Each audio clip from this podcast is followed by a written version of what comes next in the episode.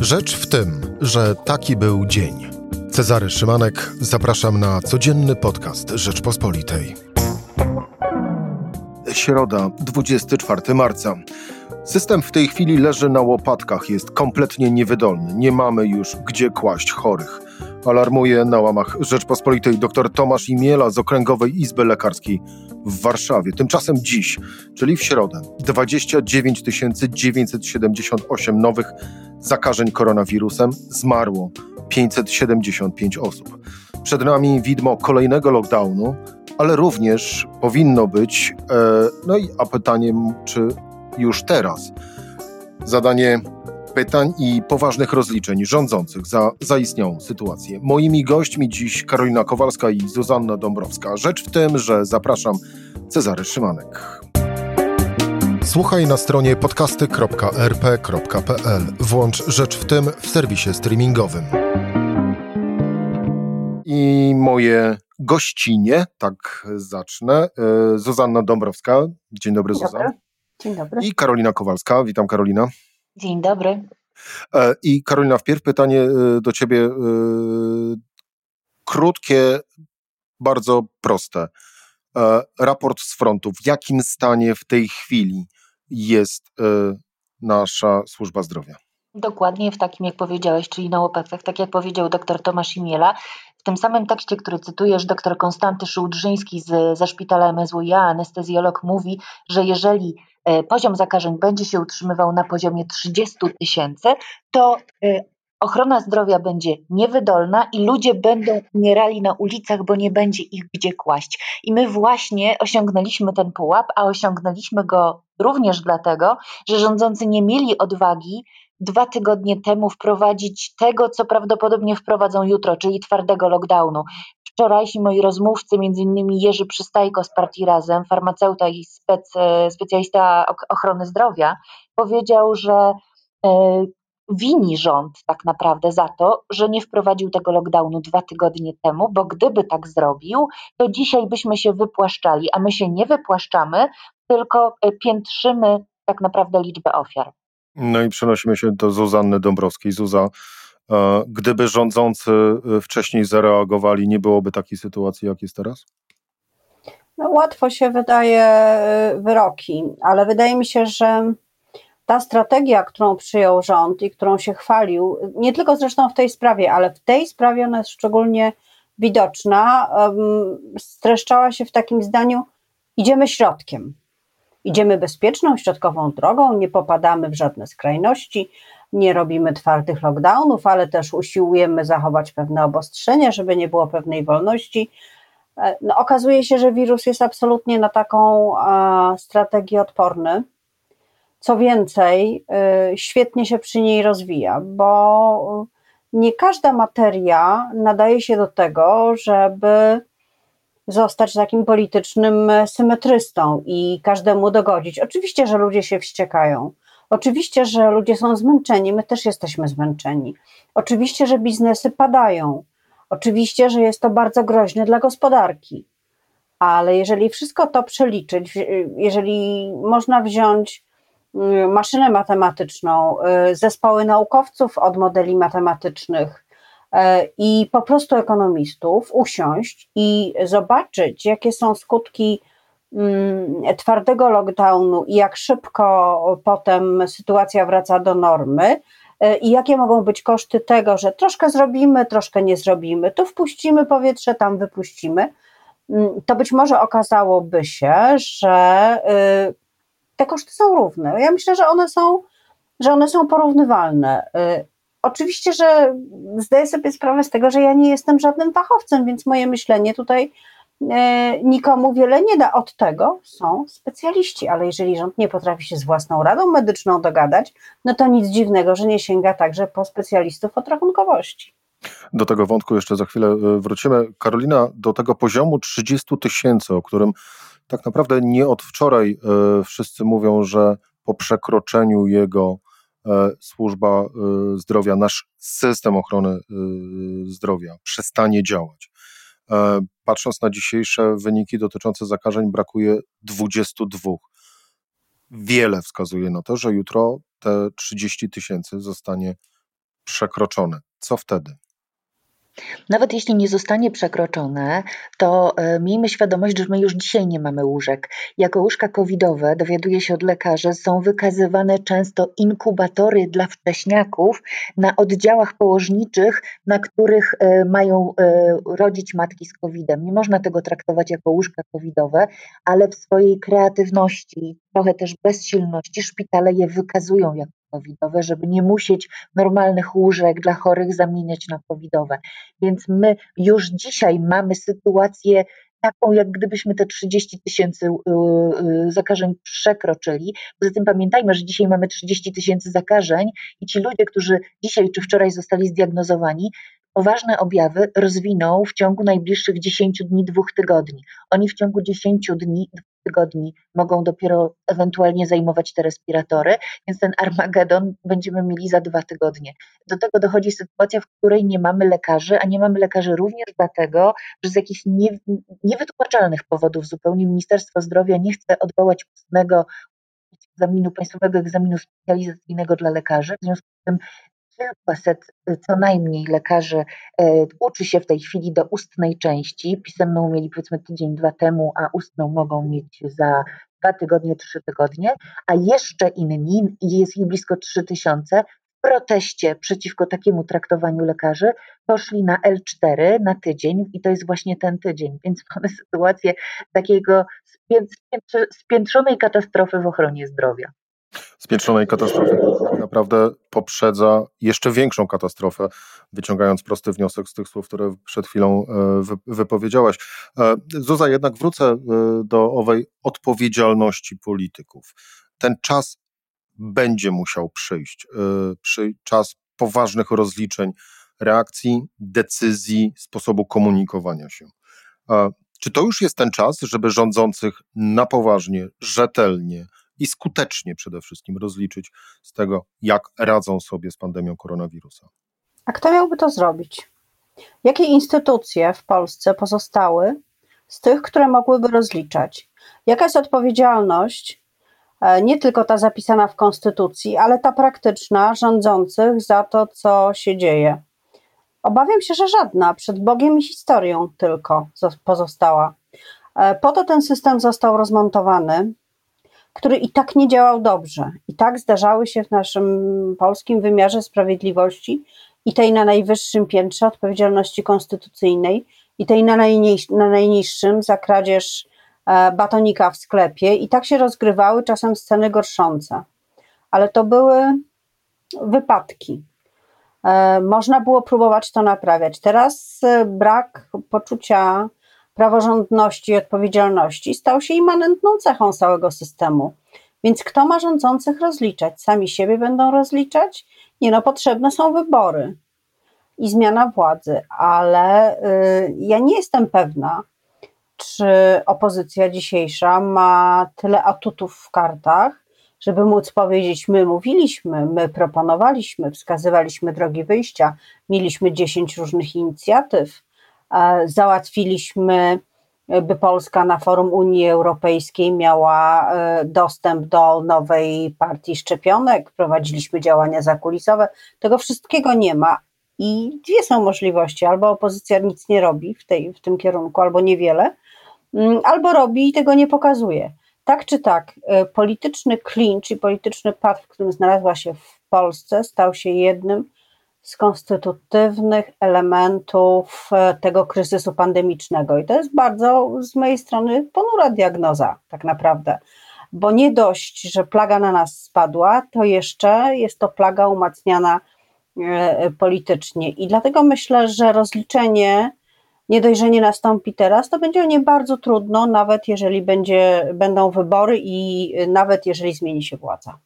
Dosyć e, smutna konstatacja. Zatrzymajmy się na chwilę przy współpracy rządzących, a właściwie rządu z Radą Ekspertów Zdrowotnych e, konsultacyjną, która doradza w kwestiach e, pandemii. No też nie od wczoraj mówi się, zresztą sama Zuza wspomniałaś o tym kilka minut temu, ale nie od wczoraj mówi się o tym, że rząd swoje, a doradcy swoje. Pytanie do Was obydwu. Czy wy rozumiecie w takim razie ową sytuację, czy nie? Najprostszy przykład. Od dawna e, członkowie Rady powtarzają ministrowi zdrowia, że maseczki na zewnątrz nie są tak konieczne jak wewnątrz. To znaczy e, za e, tylko 20% do tylko do 20% zakażeń dochodzi na zewnątrz, na powietrzu, więc teoretycznie można by było zwolnić ludzi z obowiązku noszenia tej maski na zewnątrz, a bardziej pilnować tego, że maski nosi wewnątrz, na przykład w pracy, w zakładach pracy. Ostatnio minister zdrowia mówi o tym, że do większości zakażeń dochodzi na małych powierzchniach w zakładach pracy. Jego eksperci powtarzali mu to już kilka miesięcy temu. Nie słuchał. Dlaczego tak się dzieje? Wydaje mi się, że ci eksperci są tylko do ozdoby, a najlepszym tego przykładem jest y, y, jakby niechęć rządzących do zamknięcia kościołów. Będziemy mieli za, już za tydzień, już właściwie za kilka dni, bo w niedzielę palmową, mnóstwo ludzi stłoczonych na bardzo małej przestrzeni, ludzi święcących palmy. Kilka dni później ci sami ludzie przyjdą z koszyczkami y, wielkanocnymi. I jakoś kościołów Ministerstwo Zdrowia nie chciało zamykać. Mi się wydaje, że, że mam taką nadzieję przynajmniej, że, że mm, kościoły zostaną zamknięte, a przynajmniej będzie to ograniczone do minimum i że będzie wezwanie do tego, by święcić mm, e, z samochodów by, lub by po prostu uczestniczyć w święceniu symbolicznie przez środki masowego przekazu. To przecież jest absolutnie, absolutnie możliwe. Modlić się można wszędzie i zawsze. E, na pewno. E, a co do samej, e, co do samej rady, to to jest właśnie ta strategia, o której mówiłam na początku, pójścia środkiem, czyli z jednej strony mamy ekspertów, naukowców, lekarzy, a z drugiej strony mamy piarowców, którzy mówią, oj nie, nie, nie, nie, nie, nie mówcie, że nie wolno chodzić do galerii, bo się ludzie zdenerwują. Ojej, absolutnie, nie wolno mówić, że że w kościołach jest za dużo ludzi, a tym bardziej nie wolno sprawdzać, no gdzie jakaś straż wysyłana do kościoła? Nie, nie, nie, niech to kościół sam załatwia. A kościół jak to załatwia? Ksiądz w najlepszym razie mówi e, do wiernych, że jest jedna osoba na 15 metrach kwadratowych taki wymóg i stoi te kilkaset osób w kościele i puszcza to miło uszu. Więc, e, a rząd w tej sytuacji między tymi dwiema siłami co może zrobić?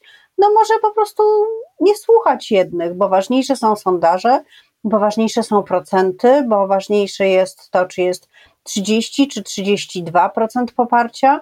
Mm, I y, to jest y, w jakiś sposób y, zrozumiałe, tak funkcjonuje polityka.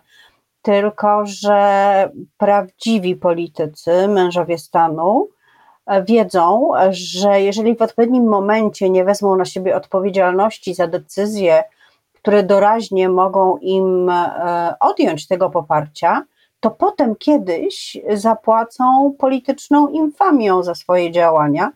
E, I y, ja mam nadzieję, bo też mówiliśmy o rozliczeniach, że taka ocena mm, tych zaniedbań e, rzeczywiście pozostanie, bo niektóre, niektóre z zachowań i decyzji naprawdę wołają o pomstę, o pomstę do nieba, ponieważ ludzie płacą za nie życiem. Czy minister zdrowia, minister Niedzielski to jest dobry minister, czy zły minister? Długa cisza. Zaległa cisza, bo to jest delikatne pytanie. Ja mogę tylko odpowiedzieć słowami z dzisiaj, słowami rezydentów, którzy powiedzieli, że nie rozumieją, dlaczego minister zdrowia dyskryminuje polskich lekarzy, jednocześnie chcąc sprowadzać bez żadnej weryfikacji lekarzy z Ukrainy. No i po, mogę tylko powiedzieć, że coraz więcej osób, z, którzy uczestniczą w systemie ochrony zdrowia, e, mówi mi, Łukasz wróć. To znaczy chcą, żeby wrócił Szumowski. Ostatnio jeden z lekarzy powiedział, nie sądziłem, że kiedykolwiek to powiem, ale mówię, chciałbym, żeby wrócił Łukasz Szumowski, a pojawiają się nawet czasami i takie zdania, że ludzie chcą, żeby wrócił Konstanty Radziwiłł. No to mówi samo za siebie. Mi się wydaje, że mm, to nie jest minister, tylko bardziej zarządca. Y, Adam Niedzielski trochę ma takie przyzwyczajenia z e, kierowania NFZ-em, właśnie bardziej technokratyczne i dyrektorskie.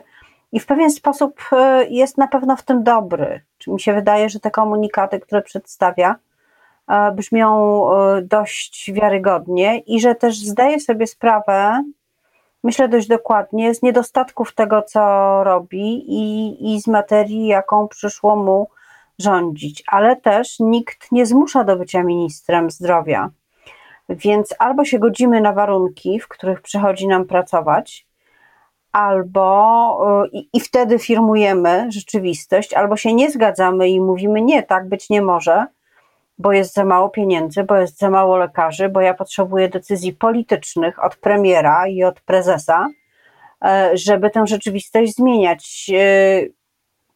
Adam Niedzielski jest złym ministrem, dlatego że nie próbuje zmieniać ponurej rzeczywistości naszego systemu ochrony zdrowia. To chyba jest jego największy, największy grzech. Oczywiście trudno jest o takich rewolucjonistów, ale niestety pandemia i to, co mamy, ten stan ochrony zdrowia, takiej głębokiej zmiany potrzebuje. I jak, się, jak umierają ludzie, jak się dzieje coś tak strasznego jak teraz, to tej zmiany trzeba dokonywać gwałtownie i niejako po drodze różnych innych działań. Ja takich działań nie widzę. To jest próba zarządzania tym, co jest i jeszcze, żeby politycznie włos z głowy nie spadł. No tak się nie da.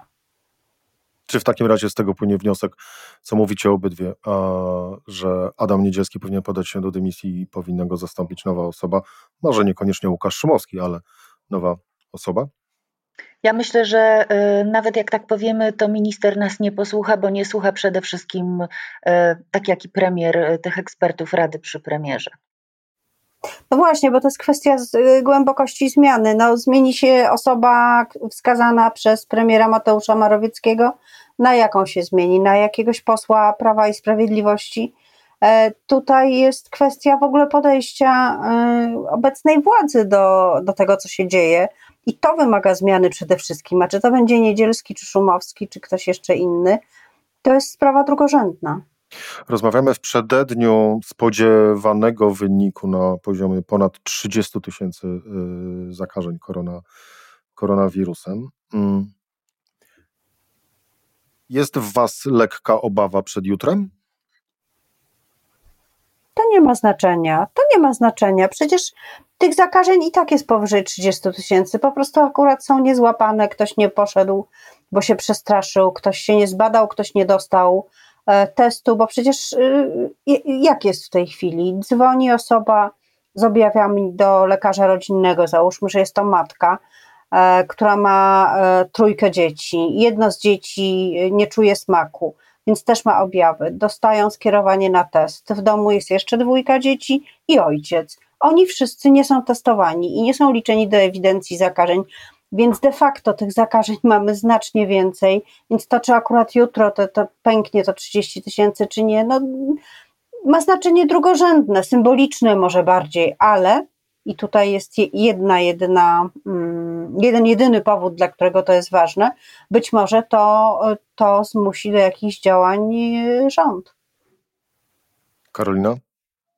Nie boję się, ale jednocześnie chciałam powiedzieć, że to, co powiedziała Zuza, no, dozwonić się dzisiaj do lekarza nie sposób. Ja dostałam e, propozycję e, wizyty z pięciolatkiem, teraz wizyta musi odbyć się osobiście dopiero jutro po południu, w momencie, kiedy w przedszkolu mojego dziecka był koronawirus i ono potencjalnie miało związek z tym, e, miało styczność z tym koronawirusem. To przedszkole wysłało nas na kwarantannę, a sanepid nigdy nie zadzwonił. Uważam, że ta sytuacja już się dzieje i to, co zrobi robi rząd, no to niewiele zmieni, bo powinien był to zrobić dwa tygodnie temu. Spodziewałam się tego lockdownu jak e, rok temu. Mam nadzieję, że trochę krótszego.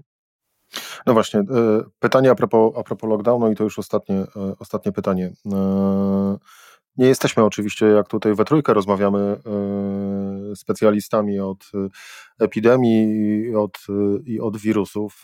Jedyne, co mamy, to mamy doświadczenia ostatnich 12, e, 12 miesięcy. I jest chyba taka nadzieja, że rzeczywiście ten e, lockdown e, spodziewany może nam pozwolić kupić trochę, trochę czasu. Ale oczywiście z drugiej strony jest, są, są bardzo poważne argumenty dotyczące jak długo jeszcze wytrzyma z kolei polska, polska gospodarka. Mm, tak patrząc na to tuż przed, um, i czysto publicystycznym podejściem komentatorskim. E, lockdown w obecnym e, momencie to jedyny pomysł i jedyne możliwe rozwiązanie? No, możliwym rozwiązaniem, oczywiście i najwłaściwszym rozwiązaniem jest intensyfikowanie cały czas szczepień. To jest tak naprawdę jedyne, co jest w stanie nas e, wyprowadzić. Długofalowo jest to opracowanie własnej szczepionki oraz opracowanie lekarstw e, przeciw temu wirusowi, co też jest możliwe, czego też zapowiedzi się zdarzają. I znowu pytanie, czy Polska będzie w stanie sama jako członek Unii mieć jakieś w tej sprawie pomysły, inicjatywy i nakłady, czy, czy znowu będziemy zdani na, na, na centralny system zakupu, e, to po pierwsze, a po drugie, nie wolno gubić ludzi, e, nie wolno powodować, że ludzie zostają bez środków do życia i w tym sensie te nieszczęsne, stricte wyborcze decyzje, takie jak 14 emerytura, są, są po prostu wyjątkowo szkodliwe, bo Pomagać trzeba tym, którzy w tak trudnej sytuacji znajdują się e, na krawędzi, którzy tracą swoje miejsca pracy, którzy tracą swoje jednoosobowe firmy, czy, e, czy też większe, i, i im pomagać, niekoniecznie emeryci, którzy mają emerytury wyższe niż średnia krajowa, muszą dostawać czternastkę w takiej sytuacji, więc E, jest cała masa decyzji ekonomicznych, politycznych, które są, które są podejmowane wbrew zdrowemu rozsądkowi. E, I to byłaby jakaś, to na pewno polepszyłoby sytuację i, i jakby psychiczną, i, i polityczną, gdyby, gdyby rząd potrafił się wycofać z tych, e, z tych, z tych głupich posunięć po prostu. Karolina? Przypominam e, o tym, o czym już zdążyliśmy wszyscy zapomnieć, że można przecież ogłosić stan klęski żywiołowej i chyba ta sytuacja Oczywiście, właśnie. Leżała. Gdyby tak to rzeczywiście było wszystko, e, wszystko łatwe, to pewnie e, byłoby nam, byłoby nam lepiej, co nie zmienia faktu, że, że nie mamy racji. Bo bądźmy szczerzy, mamy. Zuzanna Dąbrowska, bardzo dziękuję. Dziękuję i Karolina Kowalska. Dziękuję bardzo. Dziękuję. Czyli dziennikarki Rzeczpospolitej. To była rzecz w tym w środę Cezary Szymanek. Do usłyszenia jutro o tej samej porze.